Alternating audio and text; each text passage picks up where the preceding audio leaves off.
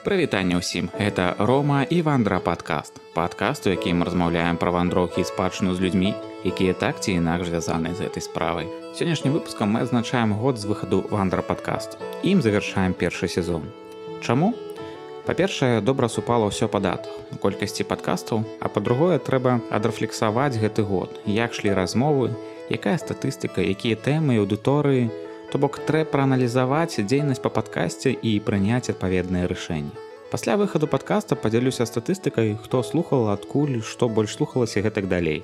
Сёння у нас 20 эпізод падкаста і ён будзе без гасцей, але з разважаннямі, ідэямі і маімі ўласнымі гісторыямі. Я той чалавек, які так ці інакш звязаны з тэмай спадчыны і мне ёсць пра што расказаць. Таму цяпер сядайце больш зручна і вандруем. Тыя з кім уласна знаёмы ці хто фаловіць асабістую старонку ведае што ўвосні я пераехаў у польшу. Гэта канешне паўплывала на дзейнасць праекта бо увогуле стаяла пытанне ці ёсць у праекта будучня за мяжой. Насамрэч дагэтуль не знойдзены адказ бо падаецца што стварыць нешта можна. Але калі ты не ў кантэксце то магчымасці абмежаваны. А ў кантэксце ты будзеш тады калі будзеш вандраваць і размаўляць з людзьмі. Дык вось пераехаць пераехалася а інтарэс да асяроддзя да спадчыны застаецца Таму амаль кожны тыдзень мы ездзім і даследуем Польш. І падчас вандровак ты прыходзіш да думкі, што табе не хапае вёсак. Такая вось спецыфіка Польшы, што паняцце вёскі яно крыху адрозніваецца. Асобным пунктам ідзе падляшая і памежныя з Украінай раёны. Я нават больш скагу, калі маніторыш рынок сельскай нерухомасці, то дзіву даешся з тых цэн, якія тут у Польшы. Учора глядзеў выпуск онлайнера пра хлопца, які набыў хату на хутары і пакрысе яе рамантуе. То то за тую хату ён надаў полторы тысячи даляраў. У Польшчы ніжэйшая цана, якую бачу, вагаецца каля 30-40 тысячаў даляраў. Гэты момент неяк падштурхоўвае да думак, чаму у нас такія розныя падыходы да сельскай нерухомасці і чаму існуе такая розніца ў цане за вясковую хату. Але ж эта тэма складана для разбору, бо можна лёгка ўйсці ў рыначныя механізмы, у прыярытэты ўладаў і нават у развіццё транспартнай інфраструктуры. Таму сёння паговорым пра каштоўнасць вёскі. Адны кажуць, што не хапае глазураваных сыркоў, іншае, што не хапаеш сушак, мне не хапае беларускай вёскі. Ведаеце, беларуская вёска гэта спадчына, якая ў нас перад носам, але ж не ўсе на яе звяртаюць увагу, а большасць увогуле забівае на яе. Дык чаму ж нам неабходна шанаваць вёску і ездзіць туды з вандроўкамі.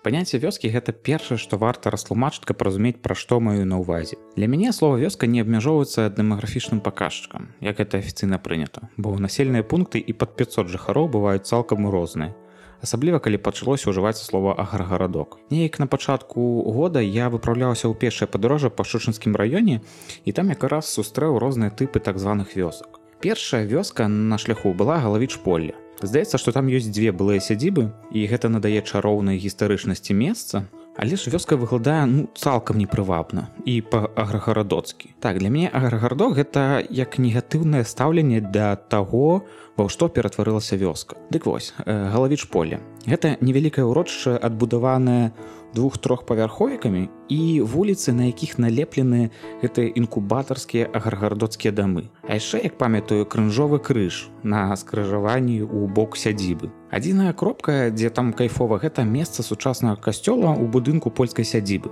З аднаго боку касцёл з іншага плебанія. Всё гэта адбудавана з дрэва і вакол растуць дрэва. Усё астатняе сапраўдны беларускі кіч пад назваю грагарадок. І гэта цяжка назваць нават беларускай вёскай. Калі рушыць далей праз сядзібу галвіч поля, дзе зараз месціцца інтэрнат, то трапляеш у вёску алешкаўцы. Вёска дзесьці на 15 дамоў і тры вуліцы, дамы драўляныя і падаецца, што большасць іх закінутыя. На дарозе дзе-нідзе захавалася буркаванка, а па дарозе праз рэчку лябётка парэшткі воднага млына. Двары крыху абсажаны дрэвамі і хмызнякамі і гэта тое, што лічу традыцыйнай вёскай. Калі трапляеш у такія мясціны, то у тая ўвага пераладкуецца на дробныя дэталі. Напрыклад, тут стаіць вельмі фактурна і старое дрэва, а на гэтай хаце выразна ліштую. А тут плод стары з валунамі, а ў гэтай хаце пад страхой выглядае гонка. У лешкаўцах яшчэ спадабаўся рог вуліцы, калі заварочваеш на дарогу да ракі. Глядзіце, там стаіць хлеў надта блізка да дарогі, і сцяна яго выконвае функцыю плота. А на другім баку дарогі лапік хмызняку таксама утварае нібыта агарожа, толькі зялёная. Заважушча па гарадской забудове, што больш утульнасці надаюць вузкія вулачкі, калі паміж хатаю і тратуарам няма прасядзібных агароджаў ці нейкіх лугоў. Адразу згадаў эту урбаністычную двух косях, канешне, фішку, калі стаіць панелька, потым нейкі луг на метраў 5-10, потым тратуар, потым 2 метра зялёнай паласы і потым толькі дарога. Дык вяртаючыся да лешкаўцаў. Гэты рог з вузкай вулачкой тое, што таксама дадае утульнасці месца і робіць вёску прывабнай. Пасля алешкаўцаў былі яшчэ старыя васілішкі і васілішкі. Таксама цалкам розныя вёскі, бо ў васілішках супер дагледжаны адміністрацыйны кут. Калі такое бач, то думаю, што тут напэўна былі дажынкі. Абедзве вёскі выцягваюць сваім архітэктурнымі каштоўнасцямі гістарычнасцю, Але ж васілішкі выйшлі па-за межа паняцця вёскі. Нова адбудаваны раён за гарагарадоцкімі дамамі, шматпавярховікі і адміністрацыйныя будынкі абкладзеныя з усіх бакоў пліткаю. Хаця і захавалася яшчэ драўляная гістарычная забудова ля касцёла. А яшчэ па дарозе там сустракаліся невялічкія двары, але ж гэта больш уласцівасць рэгіёна. Калі двары стаяць асобна ў полі з пад'язной дарогай, нагадвае нейкія італьянскія вілы ў алівавых зарасніках. Але тут зараснікі, канешне, з буракоў з божай картоплю.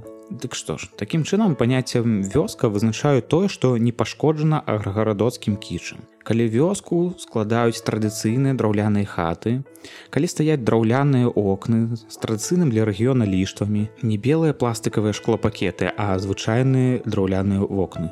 Калі няма ніякага сайднага на сценах, калі ў хатах стаіць печ, калі стаяць драўляныя платы, яшчэ калі растуць дрэвы па вёсцы, Захаванне гістарычнай планіроўкі месца і гістарычных асаблівасцей гэта таксама пазітыўны дадатак да слова вёска. І самае, што цікавае, гэта ўсё ніяк не перашкаджае развіццю адміністрацыйнай і паслуговай інфраструктуры. Таму не варта казаць, што калі жыць словам вёска, то гэта быць у стагнацыі. Просто ёсць разуменне, што развіццё і стварэнне інфраструктуры павінна неяк адпавядаць стылістычным рысам і не руйнаваць агульны выраз вёскі. Для прыклада ў гэтым годзе на падляшшы ў Польшы быў створаны гайдбук па будаўніцтву новых хат, каб вёска захоўвала свой стылістычны выгляд. Ну цудоўна ж.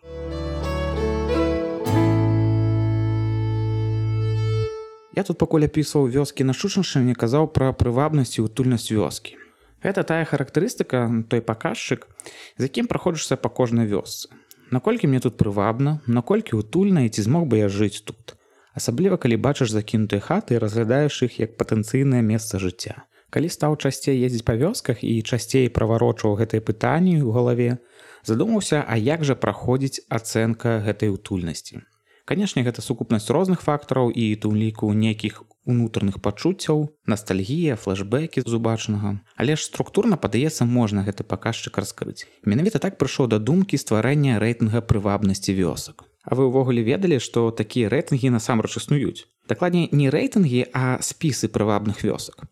Я пра гэта даведаўся ў 2019 годзе, калі ездзіў у Эльзас, што ў Францыі. Вёскі Эльзаса лічыцца адным з самых прывабных у Францыі. А вызначае іх прывабнасць асацыяцыя прыгожых вёсак Францыі. Нават існуе асацыяцыя прыгожых вёсак свету, якая складаецца з шасці чальцоў і чатырох асацыяваных шальцоў.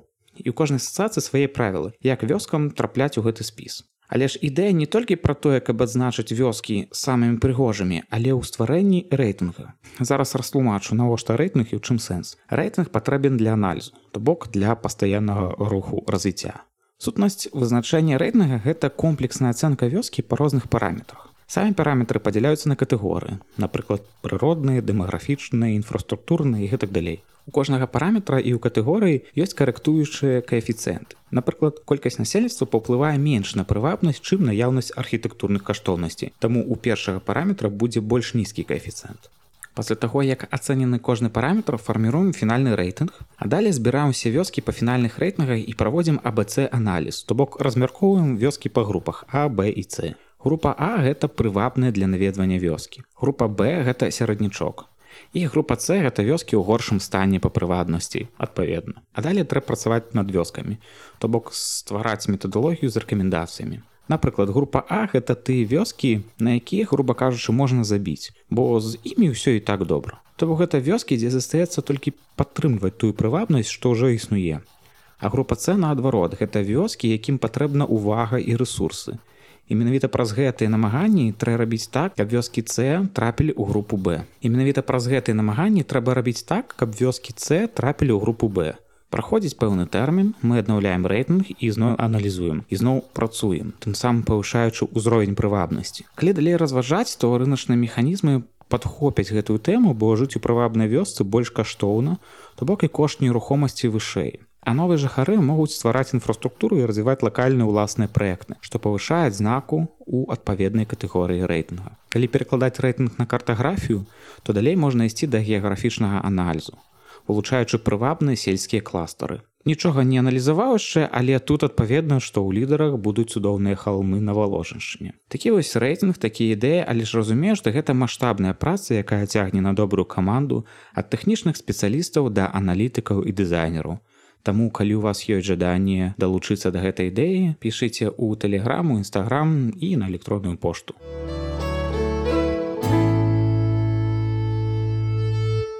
Дык а галоўнае пытанне, чаму неабходна захоўваць беларускую вёску як спадчыну, чаму неабходна вандраваць па вёсках і што рабіць на ўсім з гэтым. Ёсць меркаванне, што ў вёсцы знаходіцца код беларускай культуры. Бо ну, так гістарычна склалася, што ўся ўласцівасць, увесь традыцыйны побыт зараджаўся ў вёсках і жыў да часоў глобалізацыі ён і зараз жыве але ўсё радзей і пакрысе змірае з жывымі крыніцамі. Так вось калі не будзе вёскі калі не будзе крыніцы культурнага коду то беларусы будуць жыць проста ў гарадах і аграгарадках у першым месцы мы жывем сярод панелек хрушовак і сучасных шматпавярховікаў. Ну і дадатак будзе паўсюль раён з катэджамі. А ў гарадках пануе жыццё ў хатах сайдынгам і шклопакетамі бетонная шаблонавая агароджа і у агаргардоцкіх хатах. У гарадах традыцыйная культура застаецца жыць толькі ў выглядзе экспанатаў у краязнаўчых музеях. То бок культурны код кансервуецца і перастае быць жывой спадчынай. Ну і галоўнае пытанне чым умоўныя смалявічы будуць тады адрознівацца ад умоўных іншых постсавецкіх гарадоў. Па-другое гэтая вясковая спадчына актыўна знішчаецца. Месцамі наўмысна месцамі натуральна. Памятаю больш за 5 год таму уздымалася тэма руйнавання вёсак асабліва на валожаншчыне бо закінутыя хаты напрост закопвалі Але ж зараз сітуацыя крыху палепшылась і дамы прапаноўваюць набыць нават на аукцыёнах. Але тым не менш мы ж разумеем, што гэта ніяк не вырашае праблемы. А наўмысна знішчаецца ў такім выглядзе. Напрыклад, ёсць вёска лугі ў чавіцкім краі, дзе была раней нават школа. З часам вёска змірала, людзі адтуль толькі з'язджалі, хаты сталі пуставаць. Тут жыхар вёскі, які з'ехаў горад, плануе сабе пабудаваць хату на лецішчы. Што ён робіць? Ён купляе задарма закінутую хату ў лугах, перавозіць сруб хаты і будуе сабе новае жытло. Чаму так адбываецца? Ну, гэта проста танна ды да ўсё.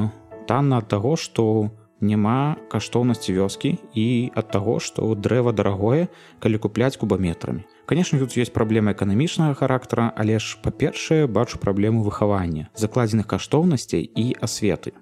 Калі вясковая хата была б каштоўнай, то першы не набыў бы е, а другі не прадаў. Вось і па-трэцяе, Да гэтага канешне трэба прайсці пра ступені турыстычнай граматнасці, але ж вясковая спадчына яна пакідае тыя ж пачуцці, як і архітэктурныя каштоўнасці.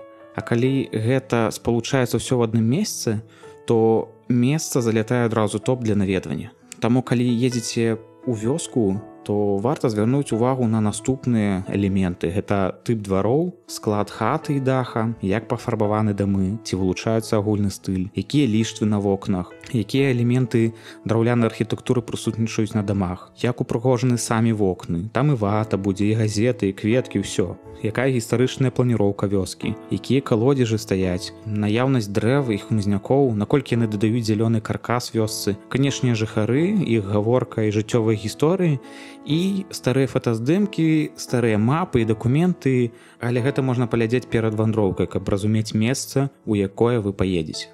Ну і яшчэ пра гэта казаў раней традыцыйная вёска як гэта мы уяўляем гэта тое чаго няма ні ў польшчы ні ў германії падляшша не бярэм у разлік. Не маю італіі і ў іспаніі. Асэнсаваўшы гэта прыходзіш да разумення што традыцыйная беларуская вёска гэта свайго рода чырвонакніжнік лакальнай спадчыны Таму яе варта захоўваць, таму яе варта развіваць і падтрымліваць, каб яна існавала гэтая спадчына.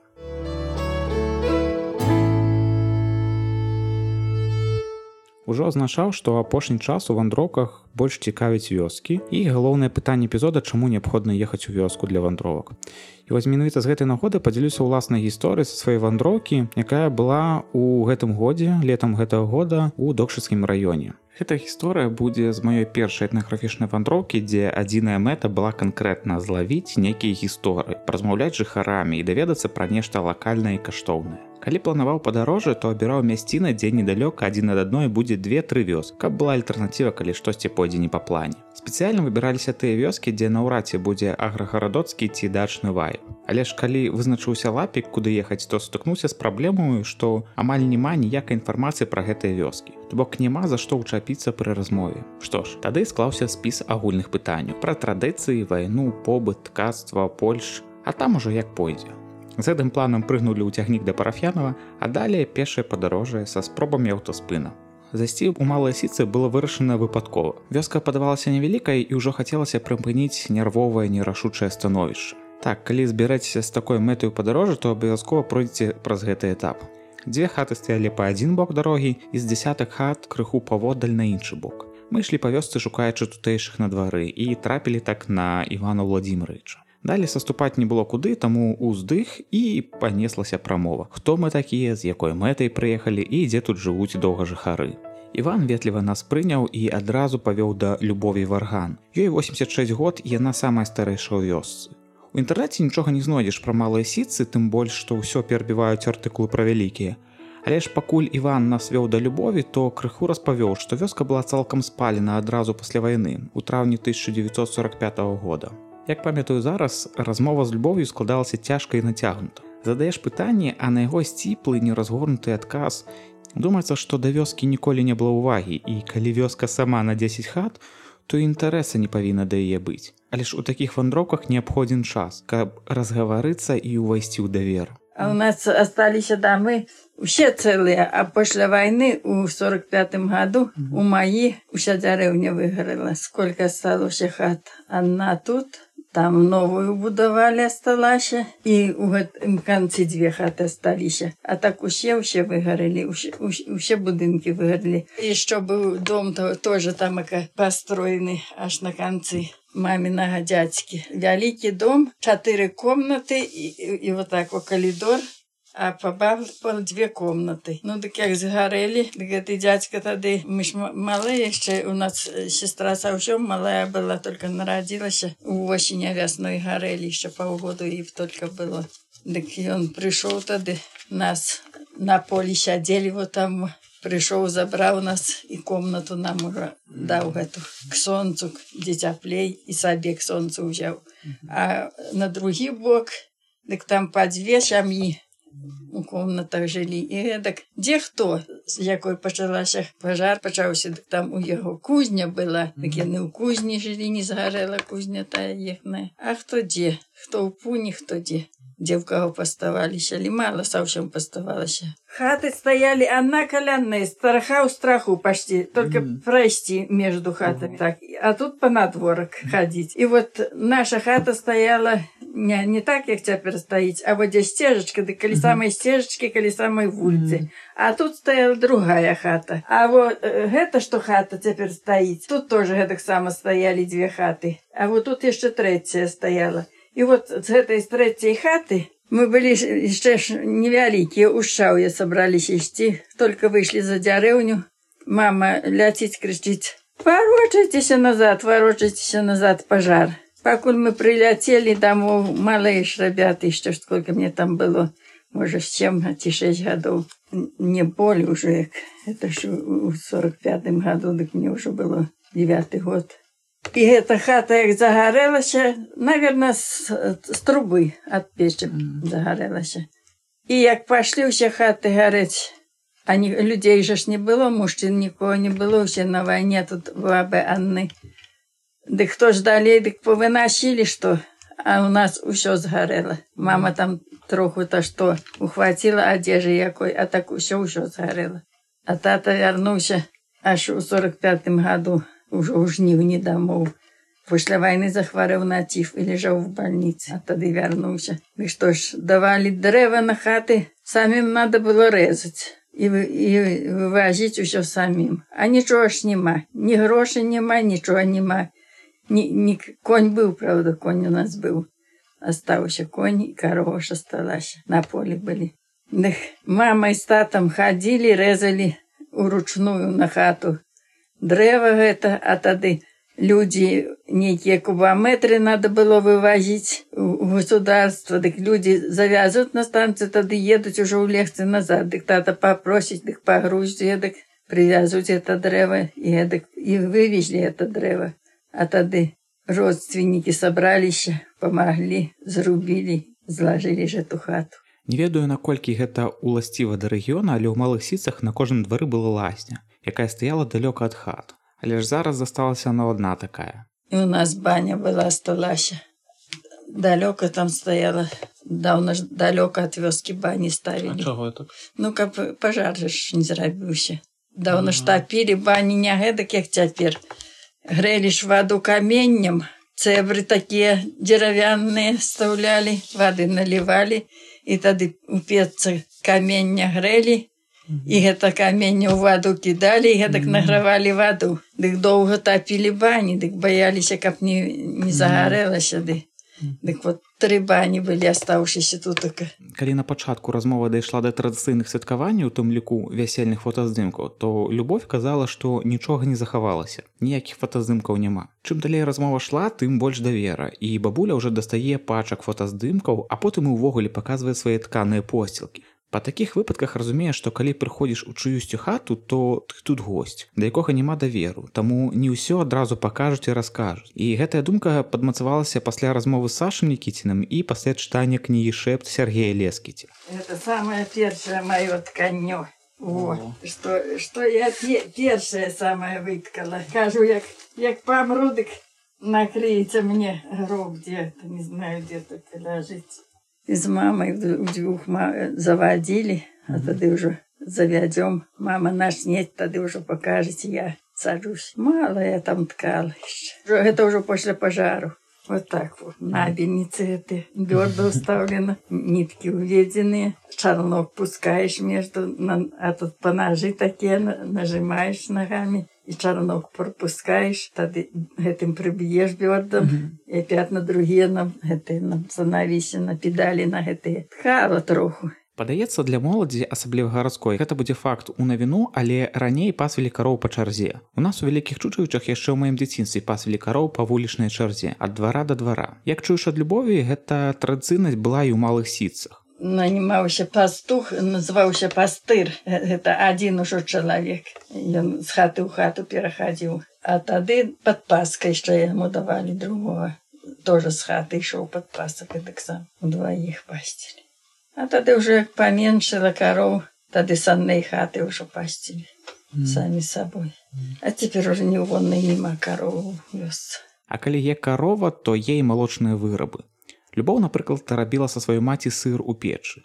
Вырабленыя сыры і масла потым насілі прадаваць на базар у парафьянова. А паставім малако схвасім, А тады даўна ж плітаў не было гэтых у каго ж бываеце пліта была, але у печы печ палілі дык як выпаліцца печ паставіш яно атагрэецца тады такі мяшечак вот такі рагаценькі пашыты выліеш сыворотка это сцячэць а ты мяшочак застрасе завяжаш каб у месце было на дошчачкі камень наверх і сыр. Я яшчэ недавно рабіла у мяне козы былі. Дык я збыла карову 90 году у гэты у двухсотым году збыла карову тады купила казу дык і сказы тоже масла ж не зробіш сказы не не ставіцца малако а малако тоже смачное было. Дык сквашу гэтак і гэткія рабіла сыры і, і варыла ворагу сыры надто вкусныя сыры былі ужо пад канец як размова зайшла пра вясковых майстроў любоў згадала дзядзьку сваёй маці то бок стрыечнага дзеда. Ён працаваў сядзібе ў сіцах агароднікам а пасля апынуўся ў польльшы звалі яго шыловіч юстын і нарадзіўся ён у другой палове 19 стагоддзя дзесьці каля 80-х гадоў. Я стараўся ўсё зафіксаваць у тым ліку генеалагічныя звесткі Уласна мне яны, мабыць, і не прыгадзяцца, але ж для гісторыі вёскі гэта важная інфармацыя. Гэта яшчэ і каштоўная генеалагічная інфармацыя, бо яна ад жывых крыніц. У любовы мы прабулі каля гадзіны, а потым пайшлі зноў да Івана Владимировича. Каб размаўляць з ім. Там не было так шмат краязнаўчых гісторый, але Жыван Владимирович кіраваў музычнай школы ў докшыцах, таму далей былі спевы з гармонію. Яшчэ прыемна было бачыць традыцыйнай адметнасці гаспадара. Гэта рамка, у якой быў сабраны калаж са старых фотаздымкаў і куфор. А каштоўнасць куфара надавалі царскія газеты 1881 года, якімі ён быў абклеены знутры. Нечакана далей нас запрасілі на гарбату з печывам, пасля якой аддзякаўшы мы вырушылі далей. Для мяне гэта была, мабыць, адзіная экспедыцыя з пэўнай этнаграфічнай мэтай у незведную вёску. Канешне, так прафесійна не робіцца, бо трэба мець першапачатковую інфармацыю і канкрэтную мэту экспедыцыі. У мяне ж быў агульны план размовы і трывожнасць таго як яна пройдзе што рабіць каб разгаварыць у размоўцу але ж калі шчыра ставішся да сваёй справы без хлусні без падману то яно неяк само атрымоўваецца. Пра малыя сіцы амаль ніхто не ведае і ніякай інфармацыі не валодае Таму вёска ніколі не прыцягне ўвагі проста так. Але ж праз уласны прыклад хочацца падкрэсліць, што нават у невядомай і малой вёсцы будзе нешта цікавае, доўгажыхары, старыя артефакты і жыццёвыя гісторыі. Таму вандроўкі па вёсках гэта суперзаймальна і захапляльна. Мы тады былі ў парафьянава вялікіх сіцах і малых сіцах і большы ўспамін застаўся якраз ад малых сіцаў.